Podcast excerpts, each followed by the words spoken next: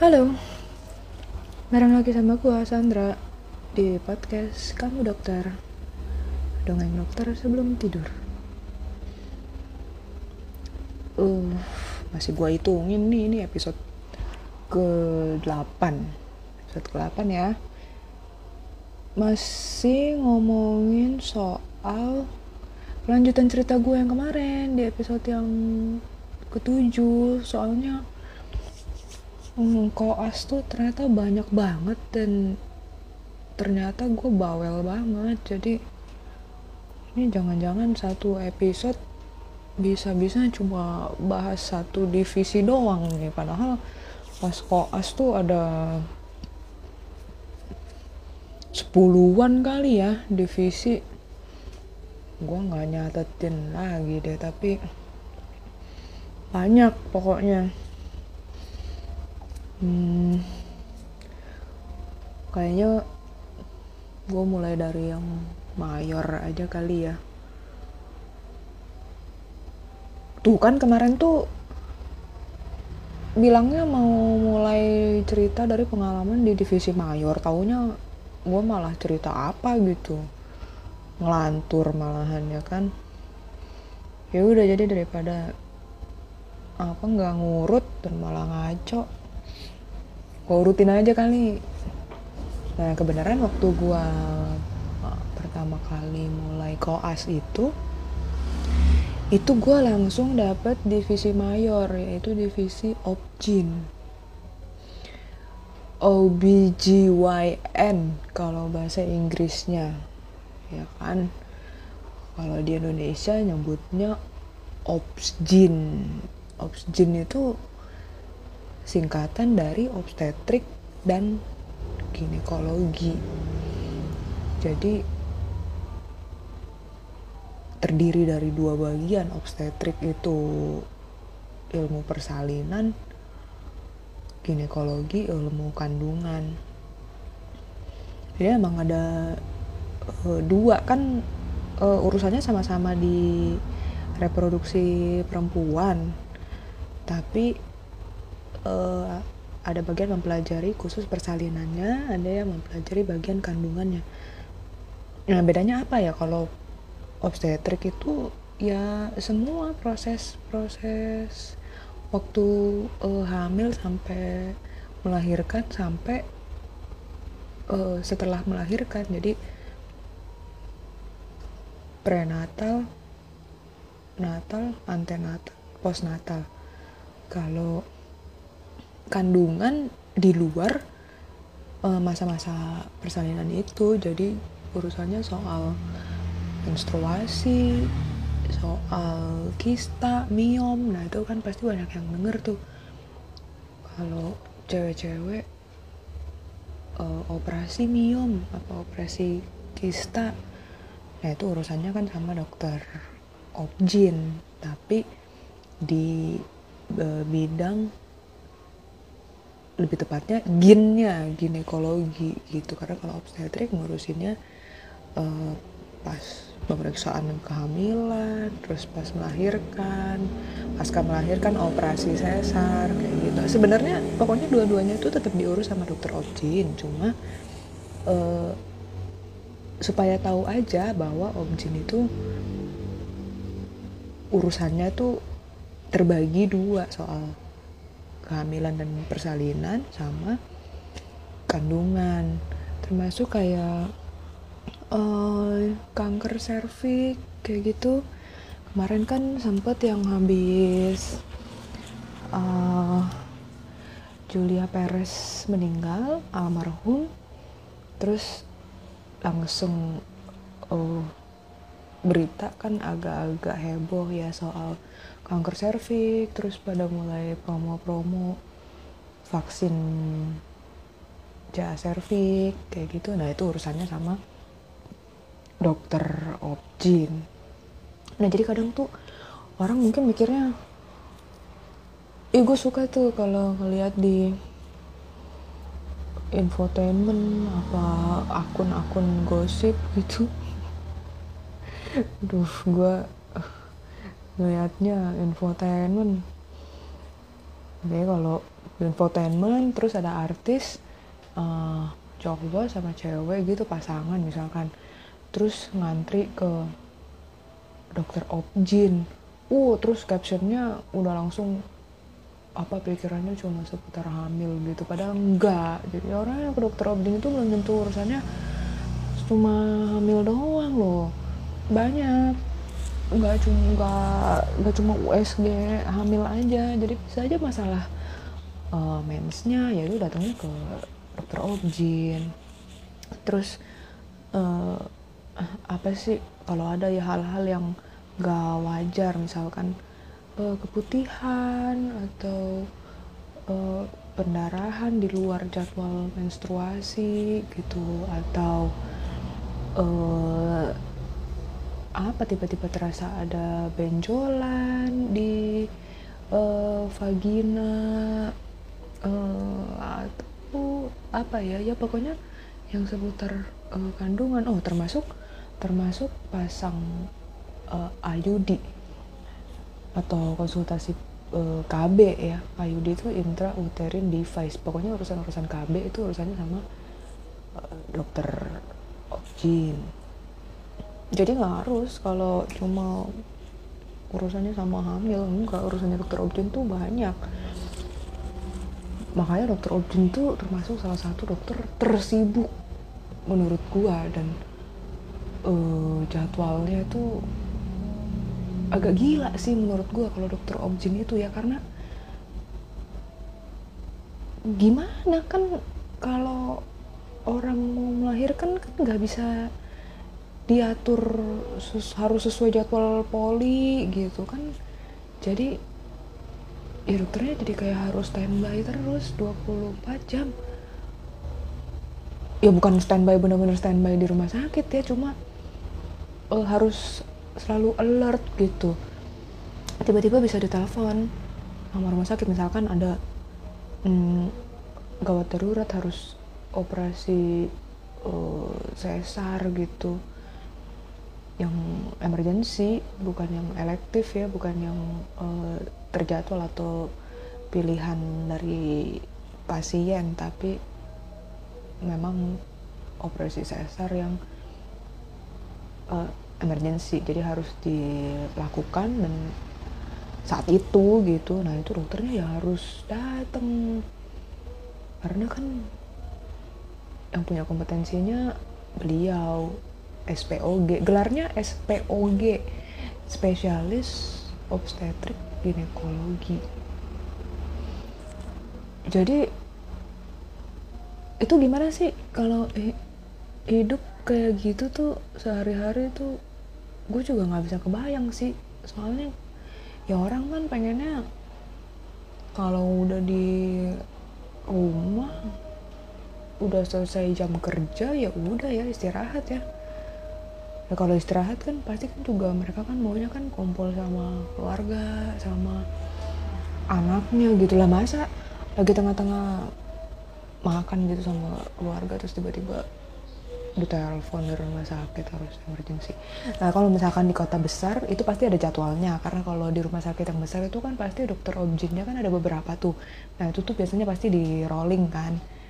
Uh, hari ini misalkan dokter uh, A yang on call nah dokter yang lain bisa istirahat bisa pulang ke rumah dengan benar-benar tenang. Nah dokter yang on call itu ya yang harus siap-siap di telepon kalau misalkan tengah-tengah malam ada oh, panggilan gawat darurat gitu atau uh, konsultasi dikonsulin sama uh, dokter UGD-nya untuk kasus uh, objin gitu. Jadi ya paling sepanjang malam itu ya harusnya uh, berdoa. Harap-harap cemas berdoa supaya jangan sampai ada yang uh, gawat darurat atau butuh-butuh bantuan apa. Jadi terus mesti balik ke rumah sakit buat tindakan.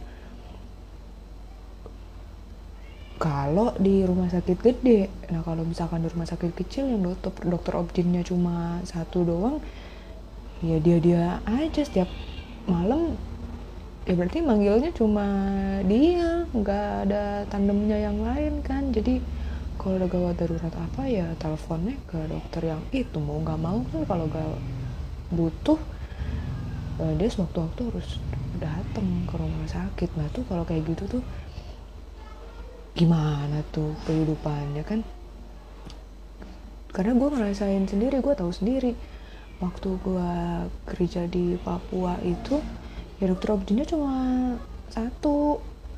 Ya itu kan untungnya di kabupaten yang mm, masyarakat penduduk kotanya itu nggak terlalu banyak. Jadi ya nggak setiap malam juga lah pasti ada gawat darurat opsin tapi meskipun pas lagi nggak ada kan lu leganya baru paginya kan? Sepanjang malam kan pasti ini dong hati lu pasti nggak tenang lah karena aduh malam ini gue bakal ditelepon apa enggak ya? Bakal ada apa enggak ya? Di ini siapa sih nih yang jaga? Dokter umumnya siapa nih yang jaga di UGD nih? Dia orangnya oh cekatan apa enggak ya? Bisa diandalkan apa enggak ya? Kan masa setiap hari tiap malam kayak gitu ya? Kalau masih bujangan mah nggak nggak apa-apa ya. Kalau udah punya keluarga gimana? Kasihan loh anak istrinya. Nah ini gue ceritain juga nih. Jadi waktu pas gue koas di objin itu uh, ya kan otomatis tuh langsung dapat jadwal jaga malam kan? Nah pas di objin itu kebetulan um, gue inget banget itu kena di uh, hari raya Paskah. Trihari Suci. Jadi kan kalau misalkan hari raya Paskah itu untuk umat Katolik dan itu kan yang di tanggal merah di kalendernya kan cuma hari Jumat uh, wafat Isa Almasih sama hari Minggunya kan uh, kebangkitan Isa Al-Masih kan. Tapi dalam kenyataannya uh, perayaannya di gereja itu udah mulai dari hari Kamis malam. Kamis malam Jumat sore Sabtu malam sama Minggu pagi. Nah pas di hari empat hari perayaan uh, Tri Hari Suci hari Paskah itu itu pas gua jaga di uh, VK bersalin. VK VK bersalin. VK itu verban kamer bahasa Belanda. VK bersalin itu oh, adanya di IGD instalasi gawat darurat. Yaitu pasien-pasien yang mau melahirkan masuknya ke situ di VK bersalin situ. Nah jadi itu adalah pertama kalinya uh, eh, gue harus melewati hari raya keagamaan gue tapi gue nggak bisa karena gue harus jaga. Jamnya nggak pas sama jadwal misa di gerejanya. Gue inget kok dari hari Kamis Jumat Sabtu Minggu itu gue cuma bisa datang misa itu di hari Jumatnya. Itu pun karena gue minta izin khusus. Harusnya uh, itu gue masih ada di rumah sakit harusnya tapi gue izin gue bilang terus gue pikir ya masa empat empat harinya gue nggak bisa pergi sama sekali kan? Jadi hari Jumatnya itu siang gue izin sebentar habis itu selesai misa gue balik lagi. Jadi cuma dapat kompensasi eh, dispensasi uh, di jam harus misa itu aja. Nah kalau gua orangnya soalnya nggak enakan dan gua nggak mau ribet sebenarnya karena ya gimana ya gua nggak mau memicu polemik lah sama teman-teman kelompok gua kan. Karena kesannya kayak oh gue mau didahuluin banget gitu. Ya ini perasaan gue aja sih. Takutnya gue nggak perasaan gue gue takutnya teman-teman pada mikirnya gimana gitu karena kan gue minoritas ya di sana ya. Uh, eh, gue sih percaya percaya aja teman-teman gue itu bakal nggak apa-apa. Maksudnya bakal uh, toleransi lah mas gue kalau ada hari raya keagamaan gue gitu. Uh, boleh ngatur jaga atau gue mau ke gereja atau apa ya tuker jadwalnya atau gimana gitulah atau izin. Uh, gue rasa mereka pasti nggak apa-apa gue percaya percaya aja cuma guanya aja yang nggak enak. Jadi biasanya kalau kayak uh, misalkan koordinator kelompok dua gitu agak-agak lupa kalau itu hari raya keagamaan gua atau memang karena jumlah orangnya dikit jadi pengaturannya agak ribet jadi mau nggak mau tetap harus kena gua jaga di hari raya itu ya udah gua nggak mau. Kalau memungkinkan untuk nuker pas kebenaran ada yang bisa dituker dan dengan senang hati nuker gue nuker. Tapi kalau misalkan enggak gue nggak belain banget. Uh, hari raya gue mesti mm, kosong nggak jaga karena gue mau dahuluin harus ke gereja itu. Gue enggak sama sekali enggak nah itu adalah uh, pertama kalinya gue terbangun kesadaran, terbangun kebiasaan dan mental yang seperti itu bahwa ya hari raya atau tanggal merah tuh buat gue nggak ada yang penting-penting banget. Itu gue rasa teman-teman gue yang lain juga sama. Jadi hmm, makanya mungkin pada uh, orang tuh mungkin pada bertanya-tanya kali ya dokter tuh kok kalau libur tetap kerja aja gitu kapan kumpul sama keluarganya?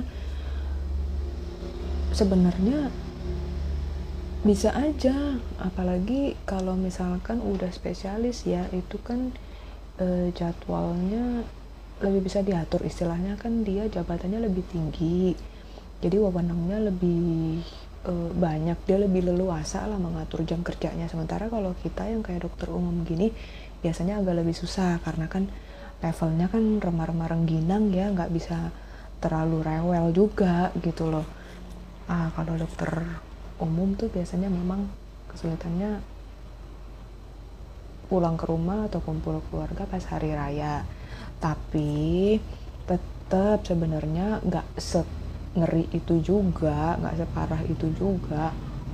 Bisa dikompromikan bisa diatur uh, dituker atau gimana dinegosiasikan lah kan nggak ada yang bukan kayak zaman Nazi gitu kan. Semuanya kan bisa diomongin. Nah cuman gimana komunikasi sama rekan-rekan sekerja aja gitu. Nah kalau gue orangnya uh, agak males ribet karena ya itu kan kalau untuk kompromi artinya orang lain itu kan harus ngelihat dulu juga jadwalnya dia dia bisa nuker apa enggak. Nah orang lain kan juga punya kepentingan masing-masing ya. Mereka kan ya punya keluarga juga mungkin punya kegiatan lain ada praktekan di luar atau apa gitu gue biasanya malas ribet jadi gue biasanya ya udah terima aja jadwalnya apa gitu. Kalau pas kena di tanggal merah ya udah nggak apa-apa. Jadi gue udah kebiasaan banget tuh. Udah dari zaman koas sampai gue kerja itu mm, udah biasa. Kalau gue Natal tahun baru terus oh Lebaran yang liburnya panjang atau tanggal-tanggal merah apa gitu gue nggak ada di rumah tuh. Gue biasa aja gue nggak ada hal yang di hati tuh langsung ngerasa nelongso gitu. Aduh nih tanggal merah hari Natal gitu akhir tahun harusnya gue kumpul keluarga mudik enggak gue udah nggak pernah kayak gitu. Orang-orang tuh biasanya nanya Natal tahun baru pulang nggak? Gue biasa aja gue bilang enggak.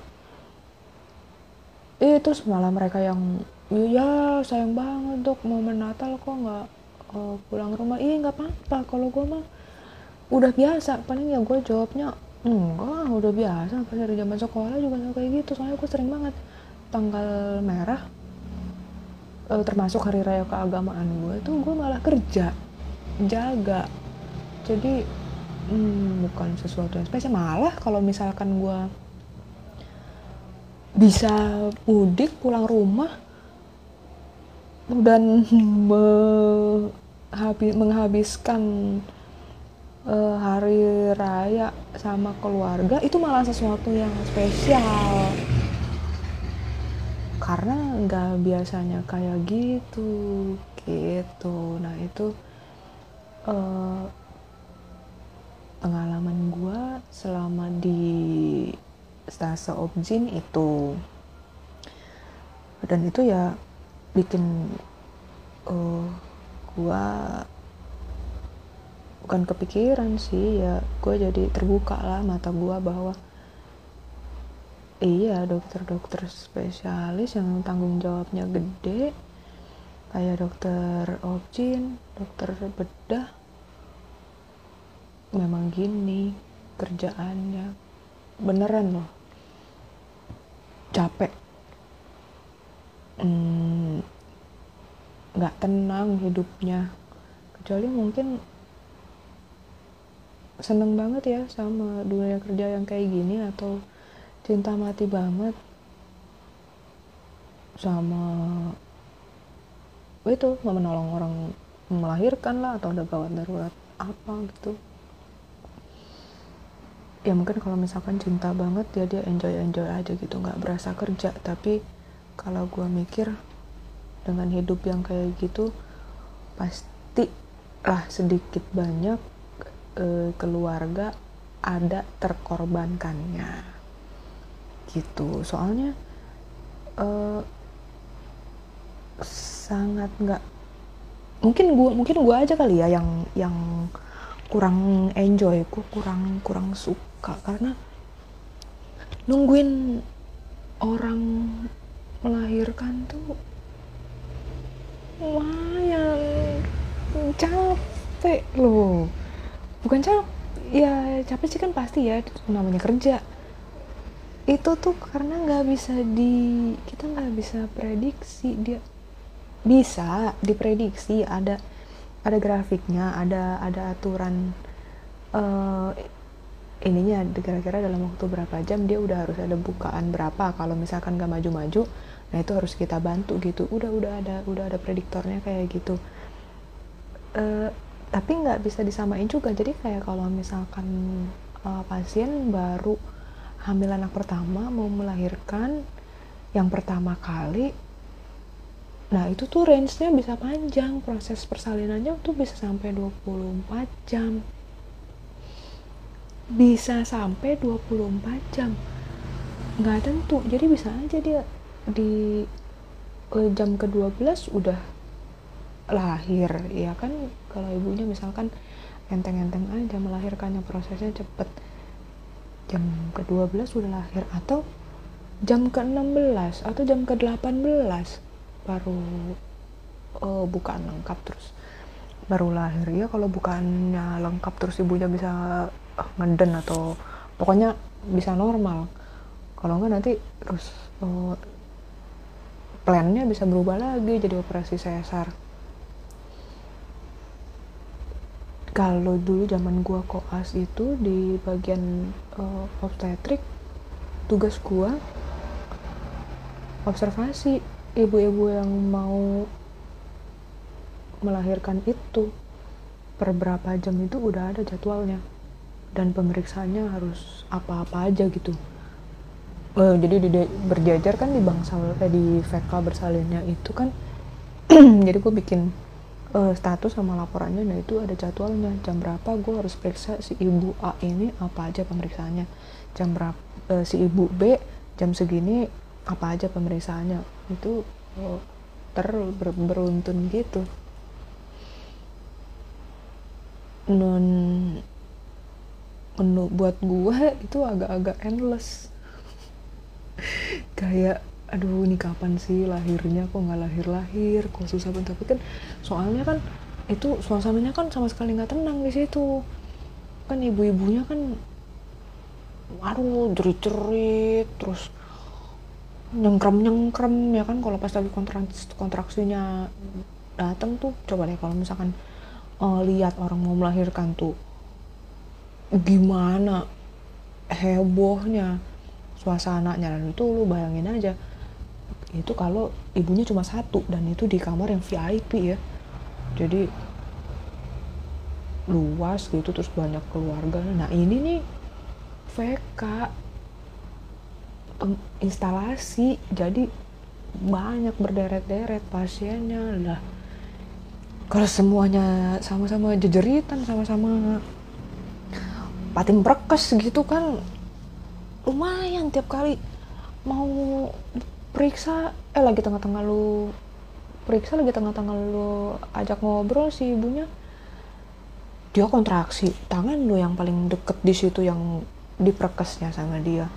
Jadi lumayan lumayan banget. Buat gue sih lumayan banget itu. Terus gak ini loh kalau di Objin itu gak kayak di film-film kalau suka nonton film barat tuh kan ada di bangsal uh, Objin pediatri yang uh, tempat bayi jajar, habis dilahirkan itu tuh jajar-jajar gitu. Jadi kesannya tuh kayak lucu gitu. Nggak ada perasaan. Gue dulu pas gue jadi koas tuh ruangan yang bayi di jajar-jajar gitu enggak. Jadi kalau ibu habis melahirkan itu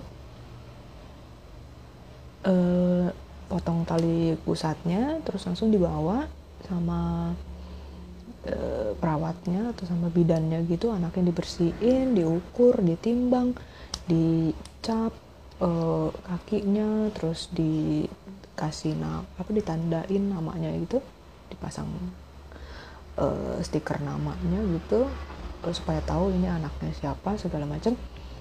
Terus habis itu uh, udah. Kan langsung dikembaliin lagi ke ibunya.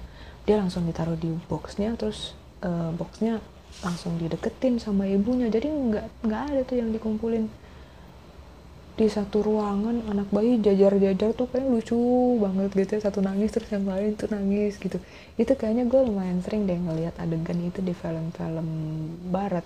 Gue nggak tahu itu uh, fungsinya uh, apa dan kenapa anak dipisahin sama ibunya? Uh, sampai anggapannya sih kalau ditaruh di situ kan kayak agak lama ya. Padahal kan sekarang kan prinsipnya inisiasi menyusui dini jadi anak secepat-cepatnya harus bahkan kalau perlu begitu habis lahir tuh langsung uh, deket sama uh, nempel sama ibunya nggak dipisah-pisahin dulu. Gitu apalagi sampai lama-lama. Bayinya nginep di ruangan mana ibunya di ruangan mana enggak nggak ada. Ditaruh di kasur terus kasurnya ya di sampingnya ibunya itu. Dan itu di semua rumah sakit kok. Eh gue nggak pernah kerja di rumah sakit di kota besar ya di Jawa ya tapi semua rumah sakit yang pernah gua kerja itu gak ada tempat yang bayi-bayi sehat dijejerin gitu terpisah sama ibunya. Nggak ada. Kalau yang berjajar terpisah sama ibunya itu itu di uh, nicu atau picu. Neonatal ICU sama pediatrik ICU tapi itu kan khusus untuk anak-anak yang sakit yang lahir dengan uh, kondisi nggak sehat jadi harus diobservasi ketat itu dimasukin di NICU. Nah itu ya iya terpisah sama ibunya terus uh, berjejer gitu. Tapi kan instalasinya beda kalau di ICU nggak kayak tuh apa kasur box bayi jajar-jajar gitu enggak. Nggak enak dilihatnya kalau kalau nicu beneran. Kalau kalian pernah lihat tuh uh, gue rasa harusnya sih nggak tega ya kalau kalian ngelihat ke nicu itu karena bayi-bayi kecil kecil kecil gitu ya. Terus ditaruhnya di box dengan segala macam gitu kayaknya. Mesin apa selang apa peralatan gitu di sekeliling mereka gitu kayaknya tuh uh, jauh gitu dari dari uh, kehangatan ibunya kehangatan orang tuanya. Uh, itu bukan bukan pemandangan yang uh, enak buat uh, dilihat sama sekali. Gak seperti penggambaran yang ada di film-film barat gitu. Uh, terus cerita apa lagi ya soal objin? Sekarang pas mulainya zaman gue itu udah mulai agak-agak sebelum gue lah. Udah mulai agak banyak uh, yang cewek. Nah, ini menurut gue sih oke okay banget. Soalnya ya kayaknya kalau gue sih ngebayangin diri gue sendiri kalau gue mau ke dokter kandungan ya di mana gue harus copot celana dan gue ngangkang di depan dokternya sih gue kayaknya pengennya dokternya cewek ya. Kalau dokternya cowok uh agak-agak kurang nyaman. Ya sama-sama gak nyamannya sebenarnya karena lu ngangkang separuh bugil ke orang asing kan. Tapi rasanya kayaknya kalau misalkan ke cewek itu lebih nyaman kali. Ya ih gue sih bukannya seksis ya. Tapi itu sadar nggak sadar ada lah perasaan-perasaan kayak gitu kan oh banyak banget tapi padahal dokter objin itu yang orangnya asik banget gitu. Jadi kita bisa benar-benar uh, nyaman konsultasi mau periksa apa gitu. Kita uh, enak banget. Ya ada juga dokter objin cewek yang uh, agak judes gitu misalkan agak kasar. Tetap aja ada itu kan masing-masing oknum. Nggak nggak ditentukan sama cewek atau cowok. Masalahnya kalau dulu dokter objin itu eh semua dokter memang zaman dahulu kala itu mayoritas cowok. Tapi nah terakhir-terakhir ini dokter Objin mulai banyak yang cewek. Nah itu tuh ternyata mendapat apresiasi yang uh, cukup bagus dari pasien-pasien perempuan. Karena ternyata banyak banget perempuan yang ngerasa uh, agak risih agak-agak gak nyaman kalau harus kayak gitu. Karena kan pemeriksaan Objin kan buka celana dan harus ngangkang. Kan itu kan area area privat banget. Uh, jadi kalau ke sesama perempuan itu rasanya lebih nyaman. Jadi lebih banyak uh, pasien tuh yang sekarang makin aware sama kesehatan uh, ininya organ reproduksinya. Karena ngerasa dari awal aja ngelihat sama dokternya tuh udah oh dokternya cewek ya boleh deh periksa gitu kan. Uh, selain memang ya inilah ya kemajuan teknologi informasi gitu. Tapi terus uh, dengan sekat dengan banyaknya dokter objin yang perempuan juga uh, membantu banget menyamankan pasien gitu. Dan objin termasuk uh, ah gue bukannya mengecilkan perempuan ya tapi uh, memang kalau dibandingkan dengan laki-laki secara fisik eh, laki-laki kan lebih kuat. Jadi kalau pekerjaan yang membutuhkan uh, tenaga fisik yang agak istimewa gitu nanti gue ceritain di podcast yang lainnya. Ada uh, divisi spesialisasi dokter yang memang itu harus diakui amat sangat sulit untuk perempuan karena pekerjaannya membutuhkan fisik yang uh, di atas rata-rata. Gitu. Tapi kalau objin nggak. Jadi oh perempuan oke-oke aja. Dan perempuan kan lebih bisa empatik ya karena kan uh, tahu gimana sakitnya mens segala gimana nggak um, enaknya kalau pas lagi hamil gimana pas mau melahirkan itu sakitnya kayak gimana gimana uh, perasaan seorang ibu terhadap anak. Nah itu kan perempuan antar sesama perempuan kan lebih bisa empatik itu juga uh, keuntungannya. Sih temen gue banyak seangkatan gue tuh yang cewek-cewek yang jadi spesialis objin dan mereka sekarang udah lulus udah lulus kayaknya. Angkatan gue yang langsung langsung spesialisnya tahun lalu udah pada lulus. Ah keren keren lah teman-teman gue. Hmm itu cerita gue seputar koas di objin oh satu lagi nih gue ceritain.